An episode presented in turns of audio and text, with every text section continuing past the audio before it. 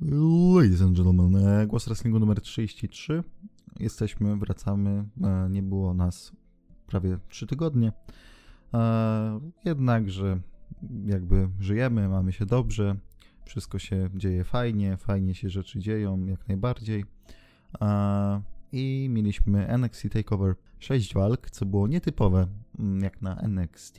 No i teraz sobie je omówimy jedna po drugiej.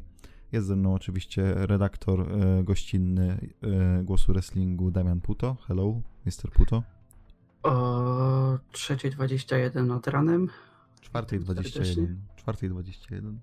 Przepraszam, to u mnie jest ten właściwy czas.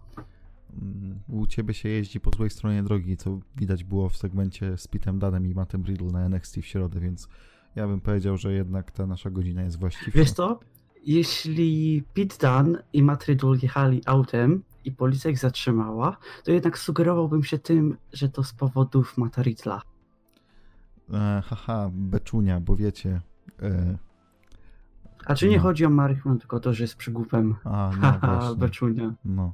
E, dobra, lecimy do pierwszej walki chyba, bo nie ma co przedłużać, bo Damian powiedział, a dobra, tylko szybko, więc szybko lećmy, Nie powiedziałem to takim tonem, wypraszam sobie. e, ale zasugerowali, żebyśmy się nie rozwodzili na półtorej godziny dzisiaj, więc e, zacznijmy sobie od tego, co zaczęło tę walkę, tę walkę, tę galę, e, piękną zresztą, Kifli kontra Dominik Grajżakowicz, to bodajże ich czwarta walka w przeciągu ostatnich kilku miesięcy. Mm, No w przeciągu pół roku. No, powiedzmy. E, I w tym momencie mieliśmy status taki, że po raz pierwszy walczyli o jakiś pasek. No i tym paskiem był e, North American Championship, oczywiście Kifali. No i tak miałem ja osobiście bynajmniej, bynajmniej albo przynajmniej teraz będą mi łapać za słówkę, bo nigdy nie, wie, nie znam różnicy. To jest ten haczyk, tricky one w języku polskim. E, trochę mnie zawiedli, bo spodziewałem się czegoś takiego, o cholera, o kurde, o jejku, co tu się działo. I to nie jest tak, że czegoś takiego nie dostaliśmy wcześniej, bo e, ta walka z NXT, już nie pamiętam, która, chyba druga, faktycznie była czymś takim wow. Zresztą każda tam stała na poziomie. I gdzieś tam wiadomo, że mając w głowie to, co robili chociażby w PWG, nastrajało mnie tak, o Jezu, ale to będzie, ale to będzie. Tu jakby nie będzie miało nic podejścia do tej walki, a jednak to podejście inne walki miały, bo o ile tu było czasami tak o cholera, to miałem wrażenie, że mm, te spoty były trochę albo czasami głupie, w sensie bardzo takie ryzykowne, nie warte w ogóle tego, jak wyglądały, nie warte było ryzyko, e, albo były dość takie rough, były takie mm, nieczyste, były tak, że no niby było coś fajnego, fajnie wyglądało, ale może w zamyśle, może w głowie miało wyglądać dużo lepiej niż w rzeczywistości wyszło, bo albo panowie czasami nie kliknęli w tym, jak ktoś ma kogoś tam wynieść, coś tam, albo jak ktoś ma coś tam wylądować, albo cokolwiek. I to była wciąż bardzo dobra walka, bardzo dobry opener, ale mm, wiem, że na pewno mieli lepsze walki i chociażby już mówię pod banderą WWE, pod banderą NXT mieli te walki lepsze i nie muszę tutaj wspominać właśnie tego PWG sprzed prawie trzech lat tylko.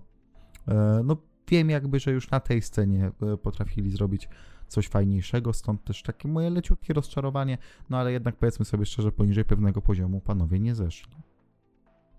Ja natomiast kilku kwestiach się z tobą nie zgodzę, aczkolwiek mam troszkę podobne zdanie.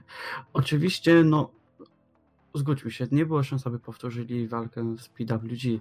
To nie te warunki, już e, nie te czasy, aczkolwiek według mnie to była ich, jak dotąd, najlepsza walka w W i to jest taka moja osobista opinia. E, Początek może nie był taki dobry. Kilka akcji na pewno nie było płynnych. Tak jak już wspominałeś, nie klikało między nimi. E, Ten spot, w którym Dajczakowicz wykonał e, Swantona z Lin na Kifali, który siedział w krześle, był popieprzony i no, nie powinni go robić, bo to naprawdę było niebezpieczne i mogło to się źle skończyć. Ale właśnie to wydaje mi się, że ten spot był takim dosyć e, przełamaniem, ponieważ od tego momentu już naprawdę zaczęło między nimi klikać, akcje zaczęły być naprawdę dużo płynniejsze i weszli na dużo lepszy poziom i tym mnie zdecydowanie kupili.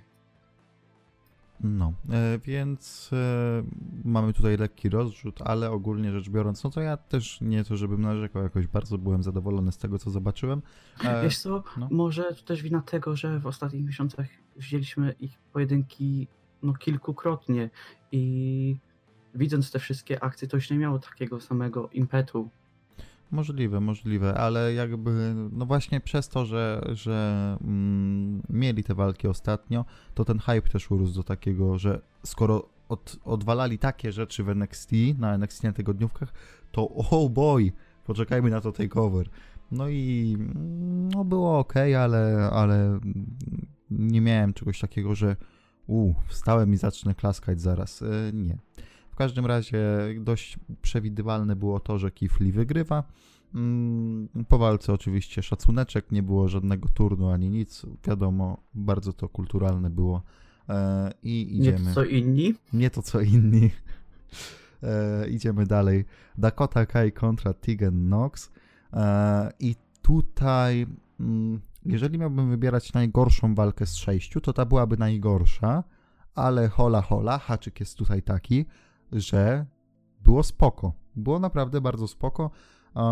Byłem mm, nie tyle może jakoś zaskoczony, no bo zarówno i, Dakota i Tegan są wrestlerkami dość konkretnymi, ale, ale przyjemnie się to oglądało. Nie był to taki zapychacz na zasadzie, no dobra, to tutaj będzie nawet ok, ale teraz czekamy na coś fajniejszego zaraz. Tylko faktycznie ta walka się obroniła sama, sama w sobie i e, dostarczyło mi to jakieś tam rozrywki, chociaż e, może też na takiej płaszczyźnie, że że gdzieś tam e, nasz typer był, e, się ważył i, i trochę, trochę bardziej e, podchodziliśmy do tego personalnie, niżeli do chociażby takiej Bianki z Rią, ale, ale było, to, było to spoko. Gdzieś tam na pewno e, ta walka na NXT TV, ta taka króciutka, gdzie tam jeszcze Candice się załapała do interwencji i tak dalej, trochę postawiła tę walkę, że no to teraz musicie pokazać naprawdę na co was stać, no bo tam no, nie dostały tego, co, tego payoffu, tego feudu, więc tutaj dostajemy to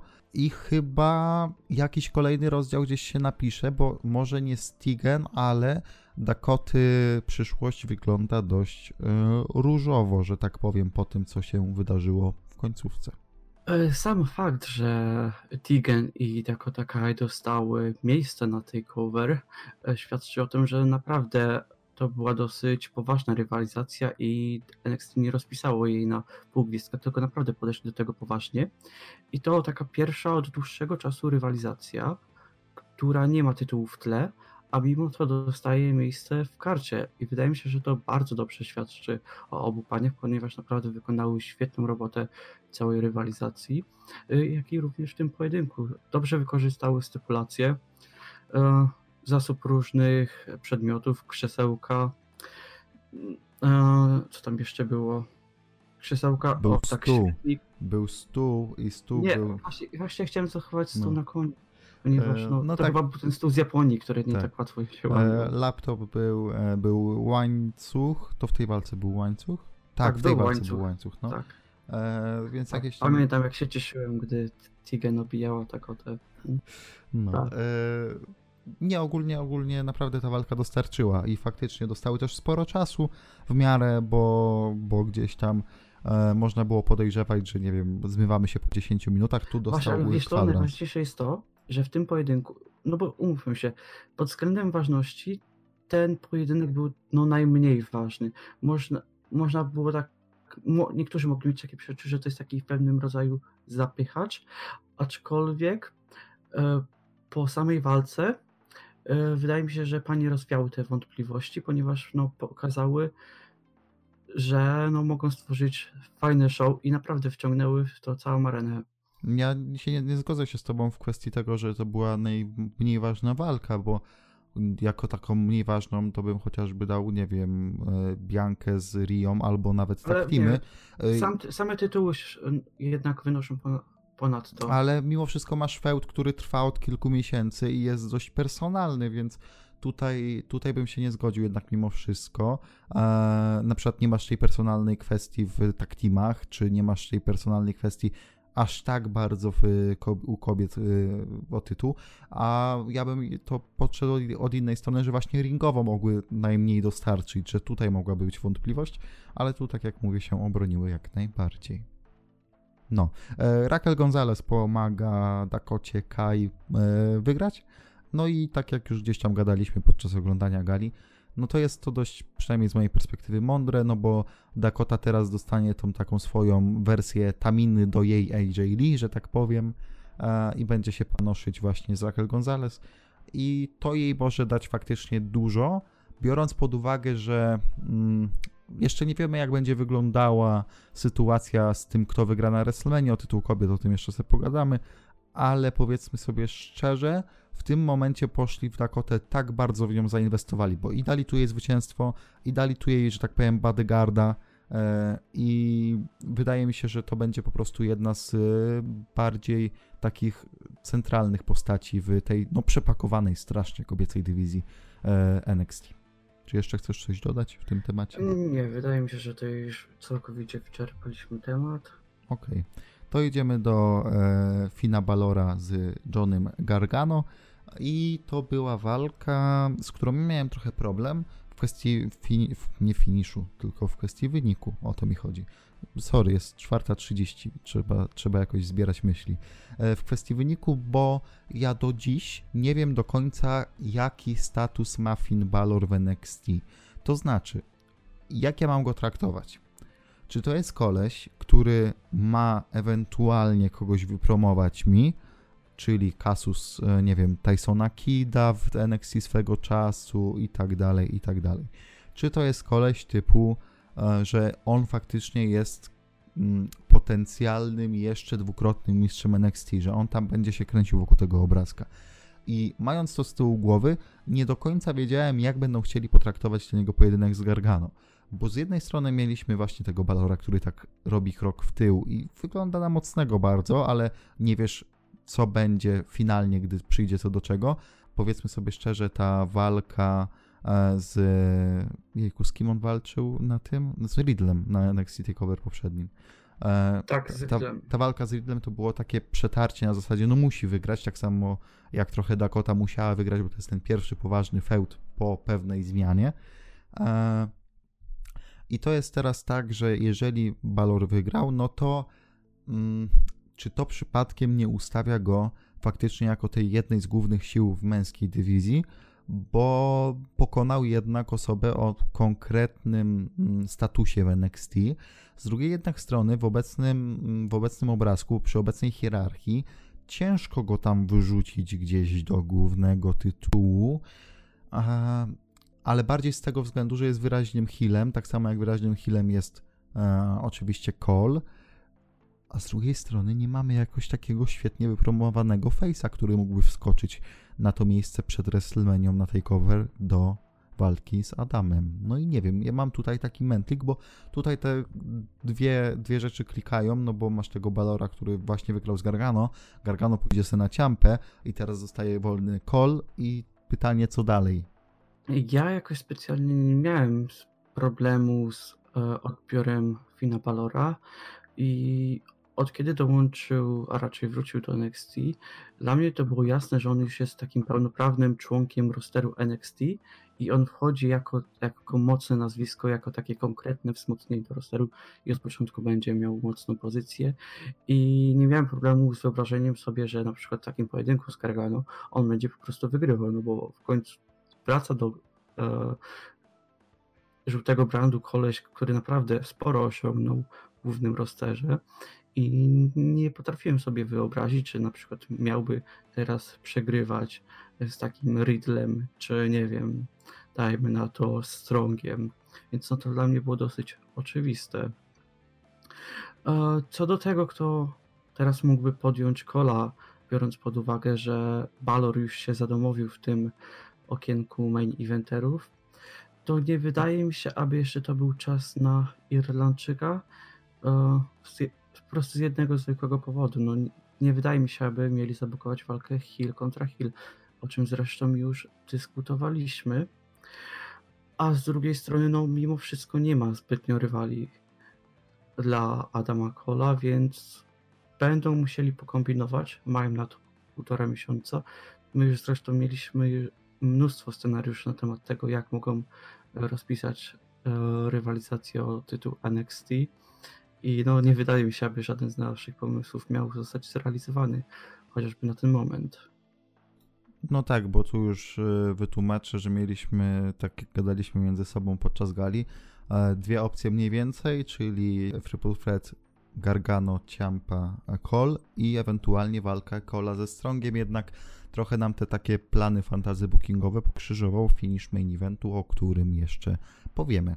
E, sama walka Gargano z Balorem dostarczyła. To nie był ten quality mm, performance tego top takeoverów, jeżeli chodzi i o Balora, bo Balor miał, mimo że on nie jest tym takim top 3 półka NXT, jeżeli chodzi o ring skill, to miał lepsze walki, tak mi się wydaje, na takeoverach. Gargano tym bardziej miał lepsze walki na takeoverach i to nie jedną, i to nie dwie, i to nie nawet trzy ale było ok. Obronili się, dostali zaskakująco dużo czasu, bo jak teraz sobie patrzę, to tam prawie się do pół godziny zbliżyli, więc no, kurde, dużo, dużo, 27 minut. E, no i wygrywa Balor. E, zapytałbym, co dalej dla Gargano, skoro już tak długo siedzi w tym NXT, przegrał, no nie ma za bardzo co robić, ale okazało się, że ma co robić, więc zobaczymy, co dalej dla Balora. No i, i czas pokaże. Niszczyć mi humor o trzeciej nad ranem. Kocham cię, Gargano.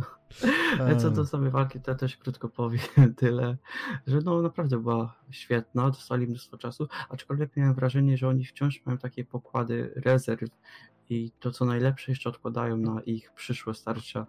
I jestem pewien, że jeśli ponownie się spotkają w ringu, a na pewno tak będzie, to stoczą o wiele lepszy pojedynek. No to jedziemy do e, pojedynku numer 4 mianowicie Bianca Belair kontra Rhea Ripley o tytuł NXT kobiet. I teraz e, zacznijmy od tego, zacznijmy od początku.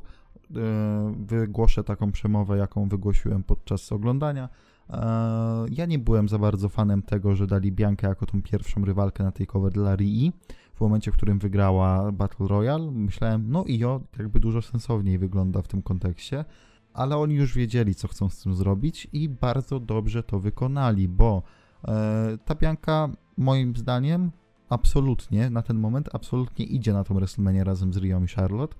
E, I to już nawet nie chodzi o to, że Charlotte ją też zaatakowała po walce, tylko o to, że ona tam cały czas jest tym trybikiem, który, który gdzieś tam się kręci wokół tego. Jasne, że nie na żadnej gali Raw, tak, czy SmackDown nie pojawiła się w tym kontekście, ale jeżeli jesteśmy już w NXT, to zawsze jest Bianka, która mówi, ej, y, Ria, chyba trochę mnie tutaj olewasz, ej, Ria coś, ej, Ria tamto. Charlotte przychodzi do NXT, Bianka też jakby pokazuje swoje niezadowolenie tym, że jest wykluczona z tego wszystkiego i tak dalej, i tak dalej. E, wydaje mi się to takie bardzo e, naturalne, żeby ją dodać do tej walki. Bardzo fajnie ją zbudowali, bo mówię, wygrała Battle Royale, mówię, a no okej, okay, może być. Potem nagle Royal Rumble match Świetnie, świetnie się pokazała. Potem y, faktycznie segment za segmentem gdzieś tam ten cały właśnie motyw, że Ria wyz, wy, wyzwała Charlotte, tutaj przecież jeszcze ma obronę tytułu. Bardzo dobrze to zostało poprowadzone, że, do, że w momencie takeover, w momencie tej walki myślę sobie, no i fajnie, i fajnie, że walczą.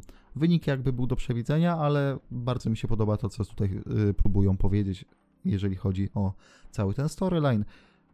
I wynik był do przewidzenia. To, co się wydarzyło po walce, było absolutnie do przewidzenia, bo miałem to w głowie też już od dawien dawna.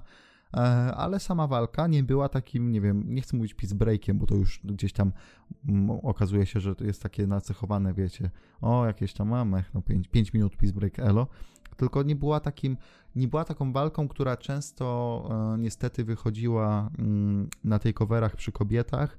Na zasadzie zobaczyliśmy coś zajebistego przed chwilą, teraz dajemy kobiety w takim, nie wiem, co-main evencie załóżmy, ale nie możemy się tym jakby jarać, albo nie możemy za bardzo docenić to, co wy, wychodzi w tym ringu, albo po prostu nie jest to na tyle fajne do końca, żeby to tak w pełni obejrzeć jako taką konkretną walkę, tylko to jest bardziej jako taki oddech przed main eventem, przed czymś tam. Teraz nie były w, w co-main evencie, teraz też nie miały takiego brzemienia, że e, jesteśmy po czymś zajebistym i jednocześnie też ten ich performance bardzo wskoczył, bo były tam momenty naprawdę bardzo, bardzo, bardzo, bardzo przyjemne. W mojej opinii Bianca Belair w, w przeciągu ostatnich pięciu tygodni stała się mega gwiazdą. O ile nie byłem jej jakimś wielkim fanem e, w poprzednich latach, tak w 2020 skoczyła na kompletnie inny poziom.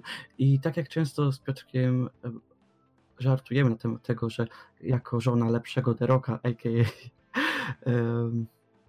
Forteza, no, świetny jesteś. Nie wiedziałeś jak, nie pamiętałeś, bo tak bardzo lubisz Street Profits i z Monteza Forda zrobiłeś Forteza. Okej, okay, wytniemy to. Nie, nie wytniemy, zostawię to nie, tak. Nie, nie. Zostawię to tak. Szukałem to w głowie, jak on ma I często z Piotrkiem żartujemy, że jako żona Monteza Forda e, musi mieć tyle samo e, charyzmy jak jej mąż, a.k.a. lepsza wersja Deroka.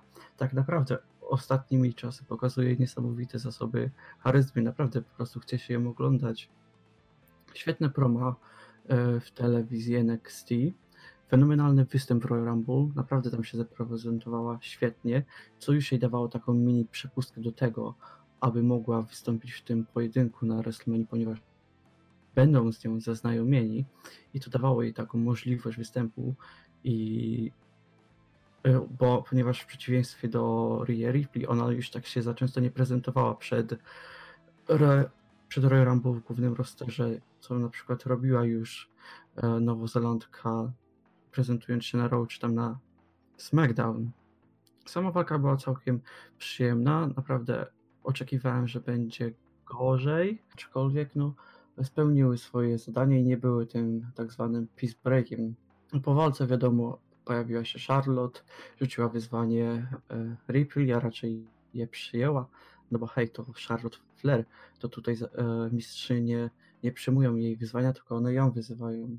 Zobaczyłem taki wpis na Twitterze, co mnie rozbawiło, aczkolwiek no, jakby nie patrzeć, to jest prawdą. Co do tego, co mówiłeś na temat dodania Bianki, to jestem też na 100% pewien, że ją dodadzą do pojedynku i to rzeczywiście będzie miało dużo sensu, biorąc pod uwagę, jak ją budowali w ostatnich tygodniach, jak zaprezentowała się w Royal matchu, ile też dodała do tej rywalizacji. No i dobra. Eee, I idziemy w takim razie dalej. Charlotte oczywiście kontra Rhea Ripley. Obecnie taki jest obraz na WrestleMania. Mm, ty też, Damian, rzuciłeś czymś takim, że no to ciekawe, co dadzą na tej coverze, bo raczej Ria nie będzie broniła pasa dwa dni z rzędu. No nie będzie broniła, ale tak jak mówię, NXT ma tyle materiału, żeby wypchać ten spot, powiedzmy, że, że jakoś się tym nie, nie martwię, no bo jeżeli nie dadzą facetów, dajmy na to, w postaci Cruiserweight Title, załóżmy, którego przecież tutaj nie było, to myślę, że nawet jakiś tam feud y, kobiet na prędce też się uda wykręcić, nie wiem, może nawet Tigan i, i Dakota zawalczą w jeszcze jednej walce. Dobra.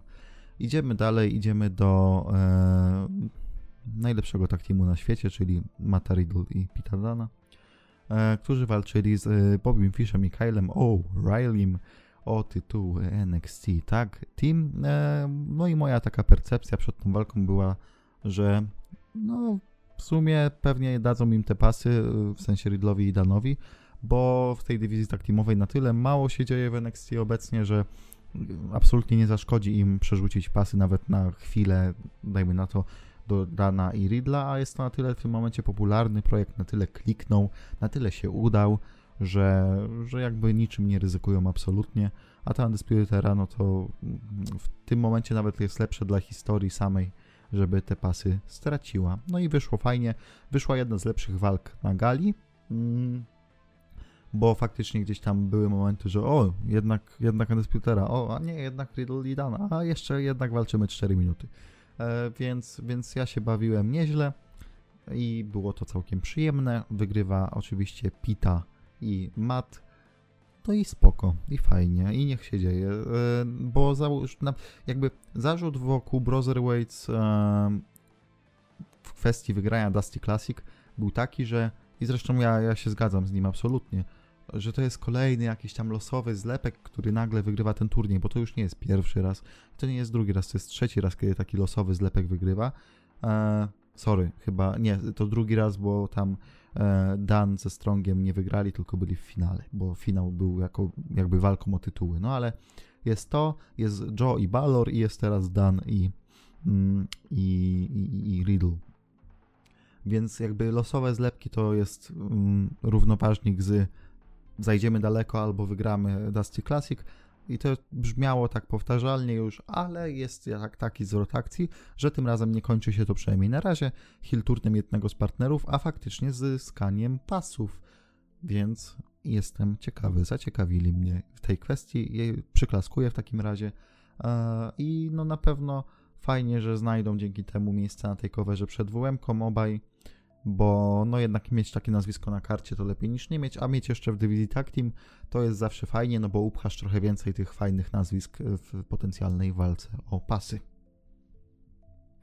E, walka na pewno dostarczyła, była absolutnie cudowna. E, moim takim osobistym MVP tego pojedynku był Kyle O'Reilly, który naprawdę po raz kolejny udowodnił, że jest najpiękniejszym wrestlerem na świecie. Przepraszam, ja muszę, ja muszę, muszę się wciąć, bo jak nie powiesz o tym, może mi byś powiedział, ale muszę to mieć zaznaczone. Ten moment, kiedy Kyle odbija się od lin w ten sposób, jak Ambrose to robił, także niby wypada, ale jednak wraca i potem znowu obrywa i znowu wypada, ale jednak wraca, ale tym razem przez pierwszą linę, a nie przez drugą, to było piękne absolutnie.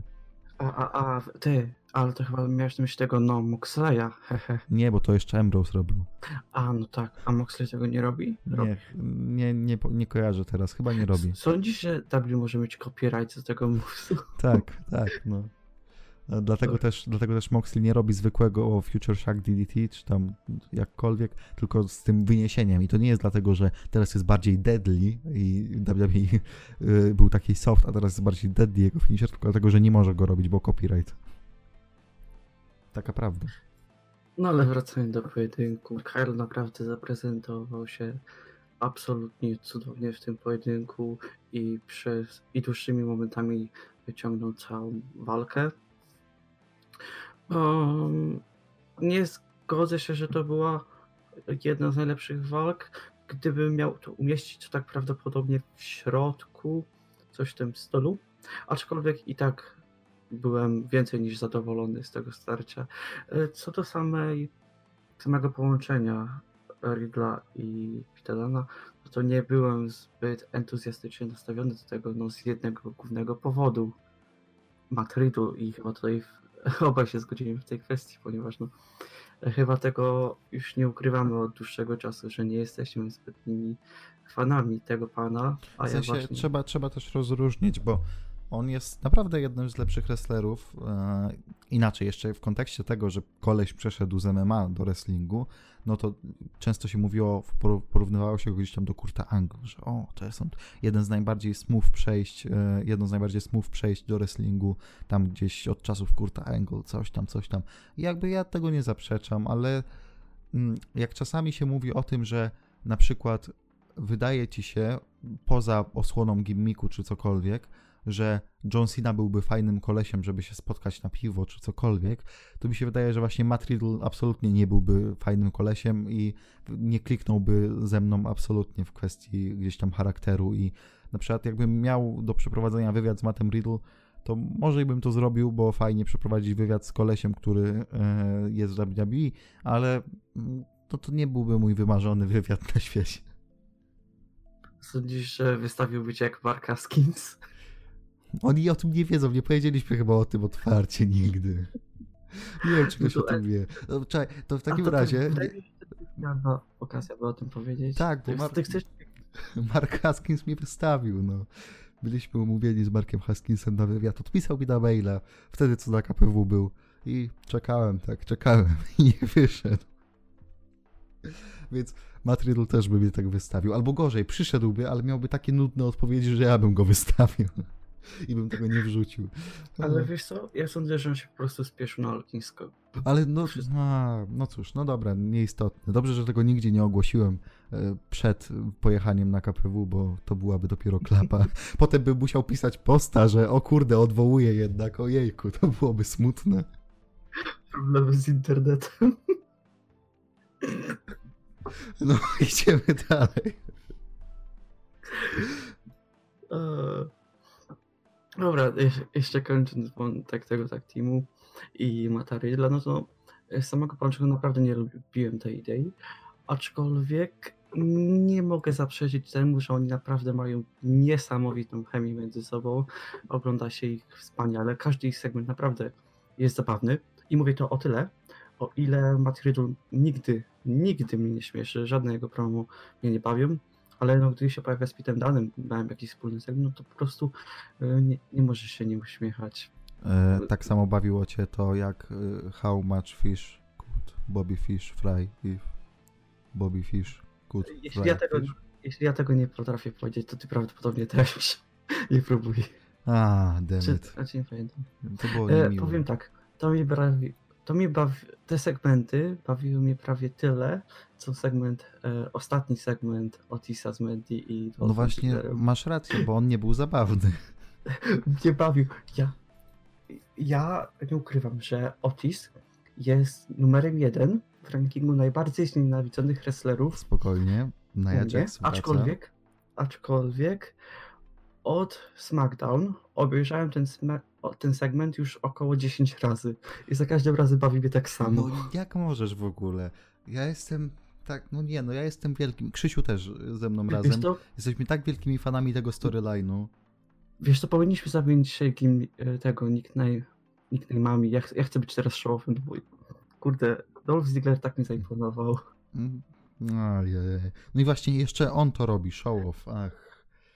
No dobra, e, wracając do tej walki. E, nie wiem, o co się mogę zaczepić w kontekście tego, że Riddle i Dante bawili. Mnie też to jakoś tak trochę bawi. Widać, że to klika. W sensie to nie jest tak, że jakoś się śmieje głośno, e, gdy widzę ich segmenty, ale no okej, no fajnie to wygląda. E, nie bawi mnie Riddle też kompletnie jakoś. No ten segment właśnie z Bobim Fishem to tak, mech, już, Jezu, nie róbcie z tego czantu. A oni jeszcze koszulkę z tego zrobili. Jezus Maria. Znaczy, wszystko to, co robi e, Matt e, z Pitem jest zabawne. Wszystko to, co robi Matt samodzielnie już nie bawi. Taka, taka... Mhm. Więc no już- ja nie wiem, ja nie wiem, ja nie wiem, jak bardzo daleko będą chcieli z tym iść, w sensie z tą komedią, cudzysłów, ale mam nadzieję, że nie przekroczą takiej linii, że nie będę mógł na nich patrzeć już, bo ja by chciałbym patrzeć na Pita Dana w NXT TV, ale jeżeli będzie mnie irytował Matt Riddle i przy nim będzie stał Pit Dan, to nie będę mógł patrzeć na Pita Dana. Ale już tak kończąc ten wątek, chyba obaj możemy się zgodzić, że największym plusem tej walki było to, że Pete Dunne jest mistrzem NXT Tag. Jak najbardziej. I cieszymy się z Pita Dana, bo widzieliśmy Pita Dana na żywo i ja widziałem raz, Damian 10 e, i... Nie przesadzam. Nie, kurde, to, to wszystko, moja, narra- Pięć. moja, narracja, cztery. moja narracja została popsuta, bo Mata Riddle też widziałem. O nie. Ja, ja Mataridol widziałem już na szczęście tylko Ale. Kyla, Kyla też widziałeś. Tylko Bobiego nie widziałeś. I co teraz? Jeszcze, Jeszcze. jeszcze, Je- WrestleMania? za rok. Och, Dobra, w każdym razie, no tak, no fajnie, że Pit ma pasek. No i może się coś w tej dywizji zacznie dziać, bo trochę te pasy stały się zakładnikami Undisputery, którzy no, byli zajęci czym innym, aniżeli faktycznie bronieniem ich. No i, i tak się trochę, trochę się ta dywizja, która zawsze była sławna z tego, że zajebiste walki dostarczali, trochę się tak rozleniwiła przez to, że właśnie... Ale wiesz, ja tak do końca bym też nie winił Undisputed Era, ponieważ faktem jest to, że dywizja Tag Team jest bardzo słaba i nie ma praktycznie żadnych teamów. Znaczy też, też, ale- ale wiesz-. Wiesz o tym, że w tym momencie bardziej się skupili na tym, że to jest story tego, że No tak, tak. ma wszystkie tytuły, a nie na tym, żeby faktycznie oni je bronili, gdzieś tam jakieś tam rywalizacje się z... ciągnęli. Dlatego też przecież e, NXT UK było w Dusty Rhodes Tag Team Classic teraz połowę tak teamów wystawili. Nie dlatego też, że o, musimy tutaj, mamy super tak teamy w NXT UK, musimy tu promować ten produkt, tylko dobrze wiadomo, że gdyby NXT miało 8 kompetentnych takich tak teamów fajnych, które można było wystawić, to pewnie byłyby to 8 tak teamów z NXT głównego. Przypominam, że chyba w pierwszej edycji Dusty Rose Tag Team Classic tak teamów było 16 bodajże. Jasne, niektóre były zlepkiem, ale było ich chyba 16, a tutaj mieliśmy 8, z czego 4 z NXT UK i jeszcze w dodatku Alex Shelley był na doczepkę tylko, żeby sobie wystąpić tam raz czy dwa w NXT. Ale być może ta przyszłość dywizji tak nie, nie działa aż tak zła. Jeśli teraz popatrzymy, no mamy tych Brosoweight, cały czas jest Undisputed i cały czas będzie. Mamy Time Splitters, którzy chyba... No nie, no Shelley, nie, no co ty, Shelley jest już znowu na Indysach. No Serio? teraz, tak, teraz znowu walczy na Indysach. A, znaczy, wydaje mi się, że może dostać kontrakt. Mm, nie, nie wydaje mi Wydaje mi się, że to był one, Biorąc, one time biorąc, deal. po, wiesz co, biorąc pod uwagę braki w dywizji Tag Team, mogą zaoferować mu kontrakt. Ale no już przechodząc od tego, no to mamy jeszcze Grizzly Young Veterans, którzy mogą się pojawiać w NXT oraz w NXT UK na zmianę. Od biedy też się pojawi Imperium. No od większej biedy są ci Forgotten Sons, a gdy będzie trzeba, no to zrobi się kolejny zlepek. Mm, no. Czekaj, szukam jakiegoś Japończyka, żeby Alexa Shelley'a zastąpił Kushidzie. E, Zała? Nie, no takiego z NXT. Chyba nie mają żadnego Japończyka w NXT. Kurde. To dziwne, bo na, zawsze NXT miało Japończyków. Halo, niedobór Japończyków jest. Ishii, idź do NXT. Ech, może tam chociaż ci dadzą pasek. Idziemy dalej. Eee, main event. Ciampa kontra Cole. Tytuł NXT na szali. I to jest, to było tricky one przed typowaniem. Dlatego też my się różniliśmy w typach przed galą. Ty stawiałeś na Ciampę. My z Krzysztofem stawialiśmy na Kola. Proszę teraz, zanim przejdziemy do samej walki i do tego, co się wydarzyło w końcówce, e, usprawiedliwić swoją tutaj e, logikę, ja potem powiem o swojej. Um, wybierając Ciampę, tak naprawdę nie byłem tego pewien, że on będzie zwycięzcą. Do samego końca byłem praktycznie tak niezdecydowany, żeby postawić Adama Cola i to tak, no, pójść takim bezpiecznym pikiem, że może tak trochę zaszaleć, jakby to tak powiedzieć, i wybrać Tomaso Ciampę. Aczkolwiek sugerow- sugerowałem się głównie wynikiem e, pojedynku Gargano i Valorant, gdzie obstawiłem wygraną Irlandczyka i tak sobie ustawiłem taki mini fantasy booking, w którym na takeover Tampa e, Ciampa zawalczy z Finem Balorem o tytuł NXT, co już miałoby no dużo sensu. No ale tutaj musiał zostać spełnione dwa czynniki. Jeden wygrana Balora, co się zdarzyło, i wygrana Ciampy, no co jednak no, się nie wydarzyło. No i głównie na tym opierałem mój wybór. E, polegało to również na tym, że Ciampa wyglądał naprawdę mocno w poprzednich tygodniach. Budowali go na, na serio takiego mini Predatora, który no, solowo sobie radził z Undisputed Erą, gdy miał krzesełko e, w dłoni. I wierzyłem, że może zdobyć ten tytuł. E, ostatnim czynnikiem, który też e, decydował o tym, że wybrałem Ciampę, było to, że NXT jest znane z tego, że oni lubią zaskiwać, że praktycznie na każdym NXT muszą dać jakiegoś szokera, który naprawdę zmieni bieg całej tygodniówki. I dostaliśmy, aczkolwiek nie taki, na jaki oczekiwałem.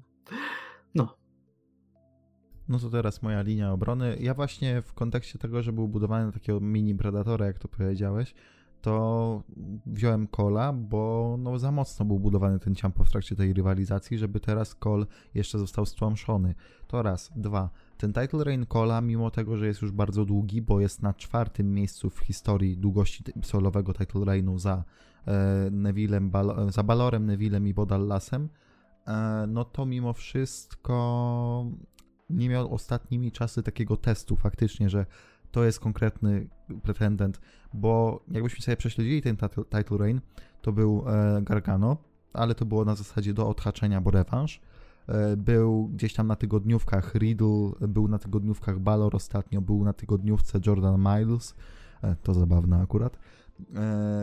Na, był ten motyw, gdzie na Raw i SmackDown obronił dwa razy pas, tak, z Brianem i z Rollinsem, ale tak naprawdę przez to też, że ostatnim takeoverem był Wargames, Cole od kilku miesięcy nie miał konkretnego testu, no bo jego ostatnim testem na takeoverze był tak naprawdę ten Gargano, czyli dopiero coś do odhaczenia. Dlatego też uważałem, że ten, ten, kurde, piąta rano, ten title reign potrzebuje takiego testu, który Cole po prostu zda i umocni go na szczycie, bo fajnie, że ma tak długo ten pasek, ale jeżeli byśmy sobie tak wnikliwie przejrzeli, no to tak naprawdę jego obrony nie miały tego właśnie, że o kurde, obronił. E, I żeby właśnie zapisały się na kartach historii jako jeden z lepszych title reignów, tak? No to to jest teraz ten moment, że obronił z tym ciampą, który był naprawdę mocno bukowany i tak dalej. I jasne, wiadomo, jaki, jaka była końcówka, ale e, no powiedzmy sobie szczerze, umacnia to bardzo Kola jako tego top guy'a w NXT.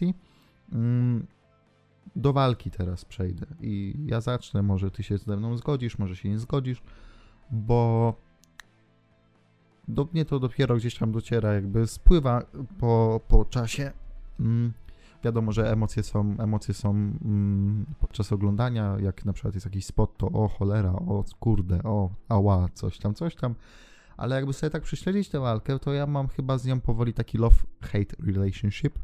Mianowicie, mm, no bo była super. Moim zdaniem wciąż chyba była najlepsza na gali pod pewnymi względami, ale z drugiej strony, po pierwsze, finish, a po drugie, znaczy finish. Rozszerzmy w ogóle ten finish. Finish w kontekście Gargano, finish w kontekście strasznego overbookingu mimo wszystko i finish w kontekście tego, że uff, tam no selling leciał na prawo i lewo. To znaczy, nawet nie chodzi o to, że no selling, że ktoś zrobił cios i potem uuu, ale siła, adrenalina we mnie płynie, tylko no selling na zasadzie i to mnie uderzyło chyba najbardziej, ten Panama Sunrise za ringiem wrzuca ciampę do ringu, odczekuje dosłownie 5 sekund i ja już wam wtedy powiedziałem, że będzie ten hang rope DDT i był.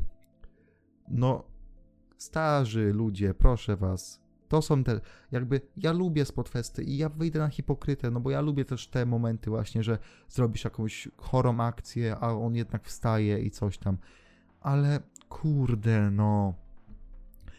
Jeżeli już dochodzimy do momentu, kiedy koleś wykonuje Canadian Destroyer za ringiem i wrzuca rywala do ringu, a ja już wiem mowy ciała, z tego jak, jest, jak, jak to wszystko wygląda, jak jest no, wszystko zaaranżowane, że ten koleś wstanie za 3 sekundy, żeby wykonać własną akcję, no to chyba idziemy w złym kierunku i no mówię, wyjdę na hipokrytę, bo, bo są mi praktycznie podobne walki, które absolutnie kochałem, ale chyba gdzieś tam w takich momentach chodzi o to, żeby te twoje emocje kliknęły tak w 100% z tym i żebyś wybaczał takie rzeczy. Tutaj niekoniecznie wybaczam takie rzeczy, bo potem też doprowadziło to do takich nielogicznych rzeczy w kontekście właśnie bookingu, w kontekście tego finiszu o, strasznie prze, przebukowanego i nie wiem, z jednej strony świetna walka, z jednej strony właśnie pięknie się pokazali, naprawdę dostarczyli emocji, było super, były kickouty, było wszystko, ale z drugiej strony mm, może less is more, może, może tutaj trochę przesadzono. I wiesz, jeszcze ostatnie zdanie dorzucę, to jest zabawne, bo walkę Cola z Gargano z tamtego roku z WrestleMania Weekendu. Oceniliśmy na 5 gwiazdek, kochaliśmy absolutnie całym sercem i ja cały czas uważam, że to jest jedna z lepszych walk tego roku. I teoretycznie jest bardzo podobnie prowadzona, bo też było dużo kickoutów, przecież tam były e, te wszystkie e, gadki na zasadzie o no, przecież on zniszczył całą Undisputerę, jak on to mógł, mógł zrobić, ale historia tam wyglądała całkowicie inaczej niż tutaj, i też z drugiej strony zawsze ten numer dwa podobnego bookingu walki będzie miał trudniej niż numer jeden, dlatego też Gargano tutaj się obrania tym trochę, że no jakby porównywać te walki, to Gargano to zrobił szybciej, nie? Na początek e, nie zgodzę się do końca z tobą w kwestii tego, że ich historie wyglądały kompletnie inaczej. Racja. E, Gargano miał tę długą, e, przekrętną drogę do tytułu NXT, gdzie miał no, mnóstwo przeszkód na swojej drodze i walczył z nimi wszystkimi przez no, ponad rok. Aczkolwiek Eee, wydaje się, że też trochę nie doceniamy historię Tomasa Ciampy e, te, i tych jego kontuzji, przez to jak długo musiał pauzować, musiał oddać tytuł, nigdy go nie stracił, a w momencie, gdy wrócił, też nie mógł od razu dostać title shota, niego tylko musiał go wywalczyć i też nie dostał go od razu i on już od dobrych kilku miesięcy również walczy z tą Undisputed więc nie zgodził się w tej kwestii, że ich historie były aż tak kompletnie inne. Ja, ja ci przerwę, obaj- przerwę ci, bo, ja, bo chodzi mi o to, że w tej walce Gargano z Kolem to klikało w tym kontekście, że Gargano był budowany na strasznego underdoga, właśnie tego, który nie może wygrać tego tytułu już od x czasu. I próbuje, próbuje, ale zawsze coś. I w momencie, w którym rzuca się na niego te cztery osoby z Undisputery, już wydaje ci się, że no kurde, no nie, no już bez... Wie, wiecie, w kwestii budowania tej, tej walki, no już nie, no tym razem znowu się nie uda, to jemu się akurat te, teraz udaje i to teoretycznie w najgorszej sytuacji, bo walczył z czterema w pewnym momencie, a nie z jednym, a Ciampa tutaj tego aspektu nie miał, bo tak jak powiedziałem kilka minut temu, tak jak gadaliśmy, on był budowany na tego mini Predatora, on był dość mocno pokazywany, on sam sobie poradził z tą Undisputed Erą na NXT TV, na zapleczu ich y, rozwalając, więc tu jest, tu jest ta różnica, tu ją widzę. Ale właśnie yy, sam fakt, że był budowany tego Predatora, który no, z lekką pomocą sprzętów może poradzić sobie z całą czwórką, sprawiał, że on może mimo wszystko przejść te wszystkie przeszkody. Ten może w inny sposób niż Gargano, aczkolwiek osiągając ten sam cel. Nie wiem, czy wiesz, do czego zmierzam w tym momencie. Wiem, ale wydaje mi się, że w kontekście Wiem, ale wydaje mi się, że w kontekście tej walki samej w sobie to by nie zadziałało, bo teoretycznie miałbyś tak naprawdę bardzo podobną historię w przeciągu niecałego roku i Gargano miałby ją i Ciampa miałby ją. No tutaj mimo wszystko to musiał chyba wygrać Cole, jak, teraz patrzę na papier, nie? Jak patrzę na to, jak opowiadana jest historia. Tylko pytanie, czy w takich środkach, czy w ten sposób? No, Zgodzę się, w trakcie walki też miałem takie odczucie, że no już może leciutko przesadzają, aczkolwiek przecież cały czas widzimy to w NXT od ponad dwóch lat i wydaje mi się, że jeśli mieliśmy zacząć narzekać na takie rzeczy, to już powinniśmy to zrobić dawno temu. Nie, no ja mówię, ja, się, ja jestem tutaj co? hipokrytą, nie? Ale, ale no kurde, Po prostu e, wydaje mi się, że to jest taka specyfika produktu NXT, w którym takie spoty już są czymś, co tworzy ten produkt i generuje emocje. I takie rzeczy, takie pojedynki nie muszą być koniecznością e, w głównym rosterze. No i też nie wydaje mi się, byśmy je widzieli, ponieważ no, ewidentnie w głównych rosterach widzimy, że tam chcą budować finisher, jeden finisher, koniec walki, ponieważ finisher musi wyglądać mocno.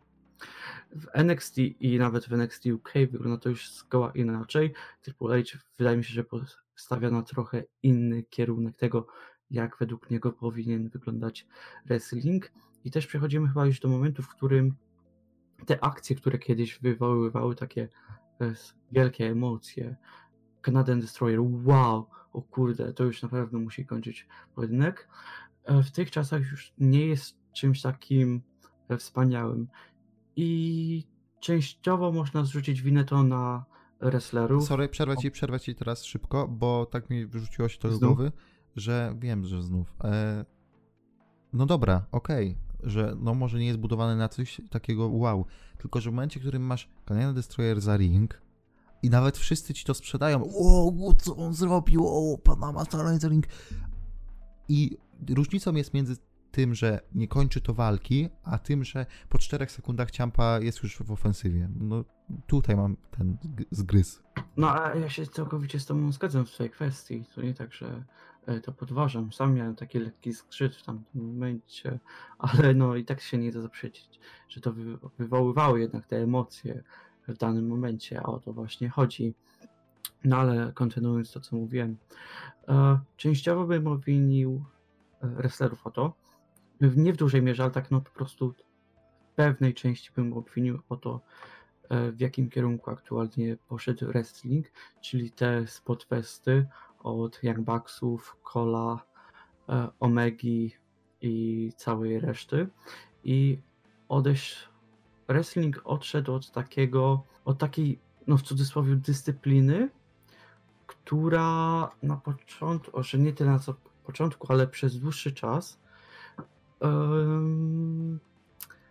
wyglądała zupełnie inaczej. I tak, wrestling się rozwija i bronię tego, że wrestling się rozwija i to jest tak samo. Aczkolwiek e, w przeszłości e, mówcy miały dużo większe znaczenie i dzięki temu e, widzowie mogli dużo bardziej się wkupić w historię i tego, co próbują przekazać zawodnicy.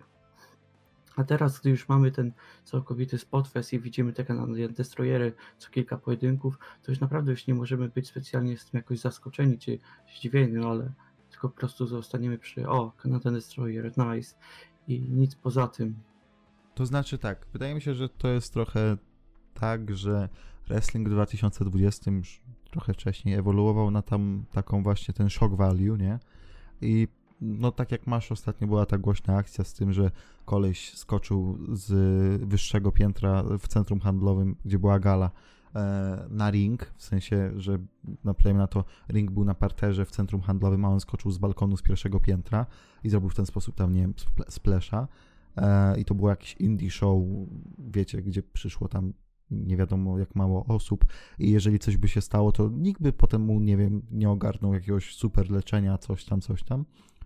E, no ale liczy się ten shock value i nieważne, e, nieważne w zasadzie jest to, jakim ty dobrym jesteś wrestlerem, tylko jak głośno będą o tobie mówić i teoretycznie to jest ok, no bo hej, rozgłos i tak dalej, ale z drugiej strony dochodzimy do takiego momentu, że mówią o tobie głośno, ale przez krótką chwilę, bo zaraz się coś innego dzieje i tak lecimy, lecimy, lecimy. A... Wiesz co, teraz ja się w tobie wtrącę. Dlatego wydaje mi się, że takie pojedynki, które może nie mają jakichś niesamowitych e, spotfestów czy niesamowitych akcji, aczkolwiek naprawdę przekazują pewną historię i mają taki zamiar od samego początku i na tym się skupiają, takie walki mają dużo większy rozgłos, ponieważ one są czymś, czymś dużo bardziej unikalnym niż takie właśnie starcia jak um, Cole kontra y, Ciampa, czy nie wiem, czy no już dajmy na to Gargano kontra Cole, chociaż no tutaj bardziej bym się kierował w tym y, ich pojedynku z TakeOver Toronto, czy niektórych pojedynkach Ospreya, a do tych pojedynków, które słyszałem, które naprawdę mogą zapam- y, no, zapamiętać zostać zapamiętywane na dłuższą chwilę, są na przykład takie jak Cody'ego z Goldustem, które nie miały jakiegoś niesamowitego poziomu ringowego, aczkolwiek no, była tam pewna historia i oni to zaprezentowali bezbłędnie i dlatego do dzisiaj e, wielu z nas wciąż pamięta ten pojedynek. Znaczy ja ci powiem nawet więcej, ja bym nawet gdzieś tam, znaczy inaczej, walka Cody'ego z Dustinem to jest najlepsza walka w historii AEW, krótkiej, bo krótkiej, ale to jest naprawdę konkretny, konkretne gówno, że tak powiem. E, I, na, I dużo wyżej to stawiam niż ten ladder match Young Bucksów z Lucha Bros z tej samej gali. A wiecie, to był dobry ladder match, tylko no same old shit trochę, nie? E, z drugiej jednak strony mm, można to połączyć w sensie można połączyć ten spotfest z opowiedzeniem historii.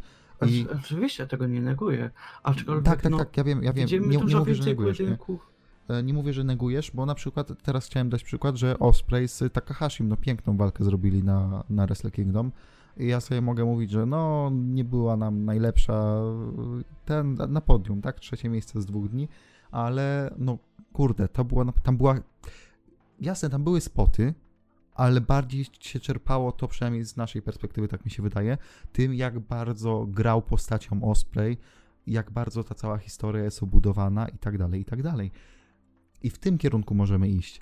A dla mnie te pewne rzeczy, no kurde, ja wiem, że jest historia między Ciampą a Kolem, ja wiem, że jest ta historia z tym pasem i tak dalej, ale absolutnie nie, nie ma wpływu na historię to, że on tak szybko się podniesie po takim kanale Destroyerze. I absolutnie nie ma wpływu na tą historię to, że robimy absolutnie takie, no czasami już głupie kikauty i co w takim razie ma impact? Co w takim razie ma to, że o dobra, to on teraz już nie, nie, nie, nie stoi, już, już na pewno przegrał, bo z jednej strony te rzeczy powinny mieć impact, ale nie mają, bo tak dużo już idziemy do przodu, ale z drugiej strony, no chyba jednak mają, bo komentatorka i wszyscy, co jakby realizują ten produkt, tak bardzo ci o tym przypominają i mówią, ej, faktycznie to patrzcie, zobacz jaka akcja się wydarzyła, że hej, to chyba jednak to ma sens, czy nie ma. I jestem w tym momencie czasami w takiej rozkroku, że jakbym miał ten pasek życia w Tekenie, to ja nie wiem ile mu to zabrało tego życia, bo wygląda absolutnie normalnie, a teoretycznie przed chwilą uderzył głową za ringiem z impetem bardzo dużym i co ja mam halo myśleć o tym. Wrestling. E, w każdym razie. Idziemy do. No. Aczkolwiek no nie możemy negować tego, że walka była naprawdę nieprawdopodobna i no, No, była, była bardzo wszystko. dobra, była bardzo dobra, ale naprawdę mam taki wewnętrzny spór o to, czy ona mi się aż tak podobała jak inne walki, że tak powiem. W sensie najlepsza na gali wciąż, ale czy była na tym poziomie, wiesz, nie? Tym poziomie. Dobra, E, no finish. teraz zanim jeszcze przejdziemy do No. końcowego mówienia, mam krótkie pytanie dla Ciebie.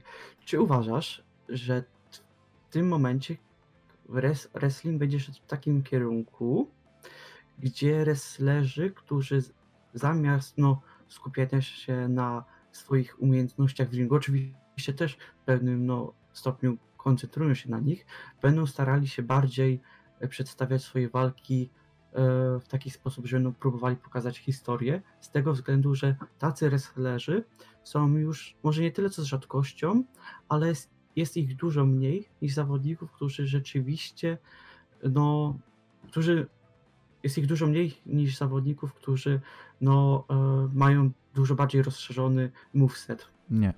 E, dlatego, że jak widzisz, publika cały czas to bardzo dobrze kupuje i łyka. I potem Dave Meltzer mówi, że Lucha Bros kontra Young Bucks to był najlepszy ladder match w historii.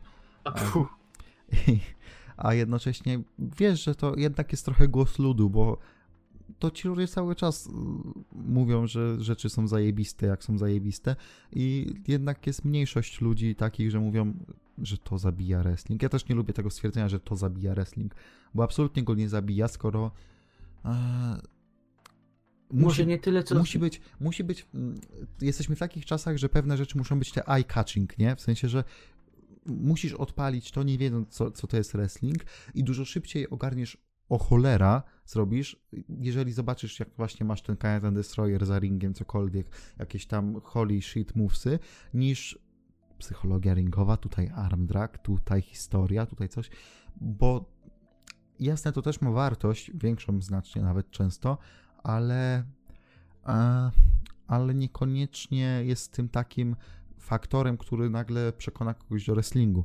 E, na pewno dużo szybciej ktoś może polubić wrestling w momencie, w którym pokażesz mu 15-minutowy spotfest, aniżeli walkę 40-minutową, nie wiem, w New Japan o tytuł główny, e, nawet jakiegoś tam Okady z Tanahashim, nie? Ale wiesz co, właśnie wydaje mi się, że no takie osoby, no właśnie takie pojedynki mogą przyciągnąć, ale rozkochać w wrestlingu i zatrzymać em, będą głównie mogły osoby, które no, no się skupiały na pokazaniu tej historii, które chwycą za serce. No ale I- to jest, to jest chyba już teraz, no bo to jakby mm, nie mówimy o spotfestach mimo wszystko, a one są już popularne kilka lat przynajmniej, tak?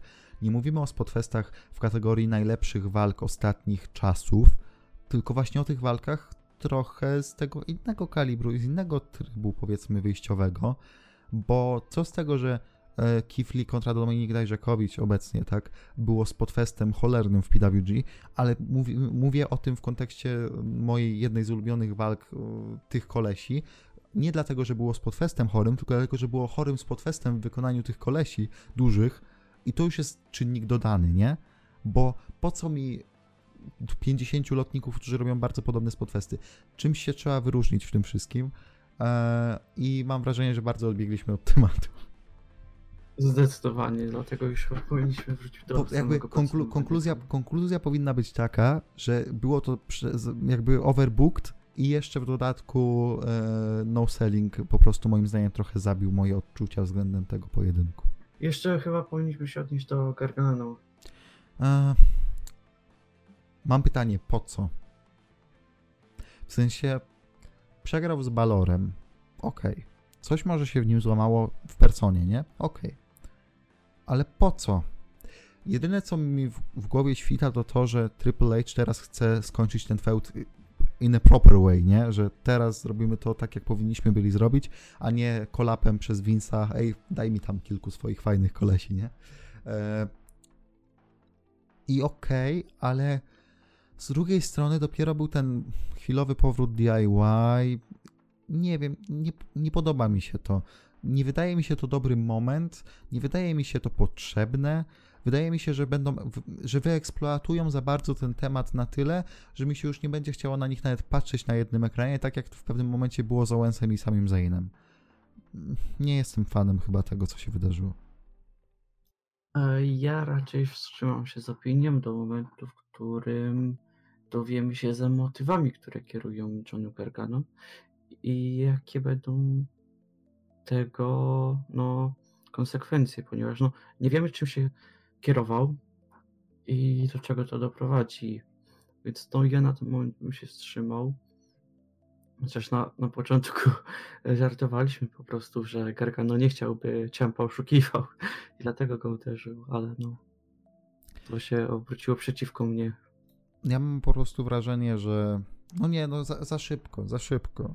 Tak samo jak gdzieś tam widziałem komentarze, że za szybko i bez sensu na one time deal przywrócili DIY, tak moim zdaniem za szybko wracają do nich jako do rywali, bo no dopiero co to graliśmy i to nie tak dawno temu, rok temu to było grane.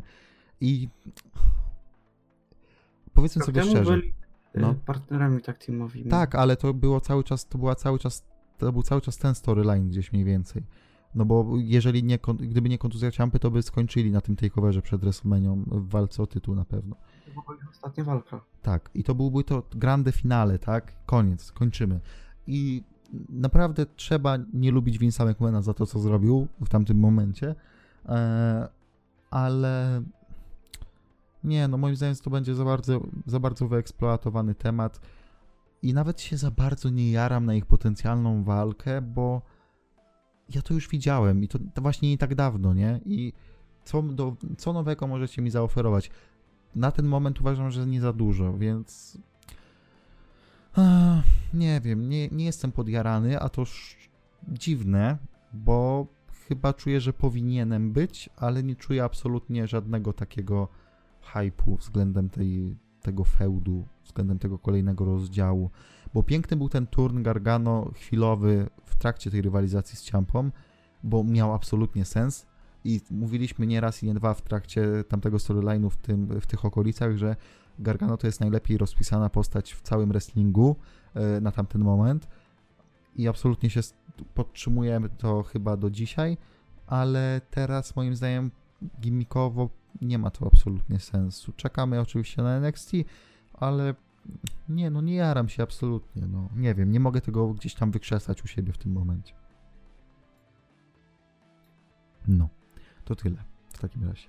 Damian, yy, ja przed NXT Takeover mówiłem, że kurde, jedno z lepszych takeoverów od dawien dawna może wyjść.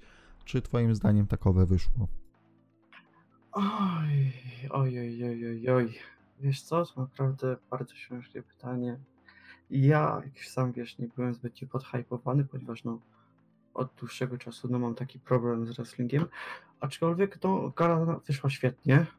Bardzo dobrze się bawiłem. Co najważniejsze, gala nie miała słabych punktów.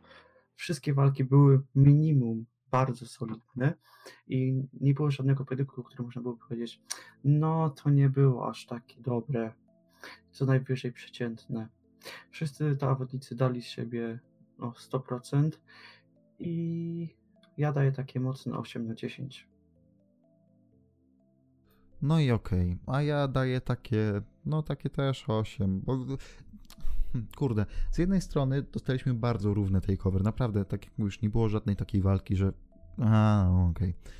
Absolutnie każda to jest, jeżeli ktoś tak sobie myśli, o ciekawe, co tam obejrzeć z tego takeovera, nie chce mi się całej gali, no to ciężko coś wykluczyć przed nawias, w sensie, no niby możemy na upartego Dakota Kai, Stigan Nox czy Biankę z Riom, ale i jedna i druga para kobiet naprawdę dostarczyły konkretnie i naprawdę wyszły ponad to, czego się od nich oczekiwało. Niby możemy tutaj tego Gargano z Balorem, ale to też była konkretna walka, naprawdę fajna i w odróżnieniu właśnie od, nie wiem, Liz Dajczakowiciem, czy Ciampy z Kolem, czy nawet tak teamów, nie, bo tak teamy też trochę pod to podchodziły, nie była takim super spotfestem z dziesiątką kontr, coś tylko była takim bardziej klinik wrestlingiem, bo o to akurat dbał Balor, bo jest bardziej tego typu zawodnikiem, nie? Eee, bardzo dobra gala, no pewne pionki przed takeoverem e, Tampa zostały już postawione i teraz tylko pytanie, w którym kierunku pójdziemy. Mm, wygląda ta przyszłość e, fajnie i tylko teraz czekać na NXT. Powiedzmy sobie szczerze, mm, NXT jest do obejrzenia takim mastem, bo nie dość, że karta na to NXT jest bardzo ciekawa, typu Strong kontra Velvet in Dream, typu Devlin kontra Leo Rush i chyba tam coś jest jeszcze, to jeszcze w dodatku e, jest oczywiście kwestia Gargano, jest oczywiście kwestia e, Rhea Ripley i jest oczywiście na pewno celebracja mistrzowska e, Mata Ridla i Pita Dana, więc czekamy i Zobaczymy. to, Powiedziałeś. co? Co? Podoba mi się w jaki sposób to powiedziałeś. Dziękuję. E, no, także głos wrestlingu numer bodajże 33 się powoli odmeldowuje. Byli z wami e, Damian Puto, mój przyboczny. Zaraz niedługo gdzieś już sobie szukać nowego przybocznego. E, Albo zaraz zostaniesz niedługo nowym przybocznym Donera. Ja też tu byłem. E, no, więc do usłyszenia. Pewnie usłyszymy się po Revolution, ale pewnie nie z tobą, więc Będę oglądał. tak, ale nie, no raczej nie obraź się Damian, ale wziąłbym raczej kogoś, kto ogląda tygodniówki. A no to robię wszystkie. Od, od października wszystkie? Oczywiście. Jeszcze jak, jak najbardziej. Dobra, do usłyszenia w takim razie pewnie za te niecałe dwa tygodnie i mam nadzieję, że dobrego dzionka wam wszystkim. Dobranoc.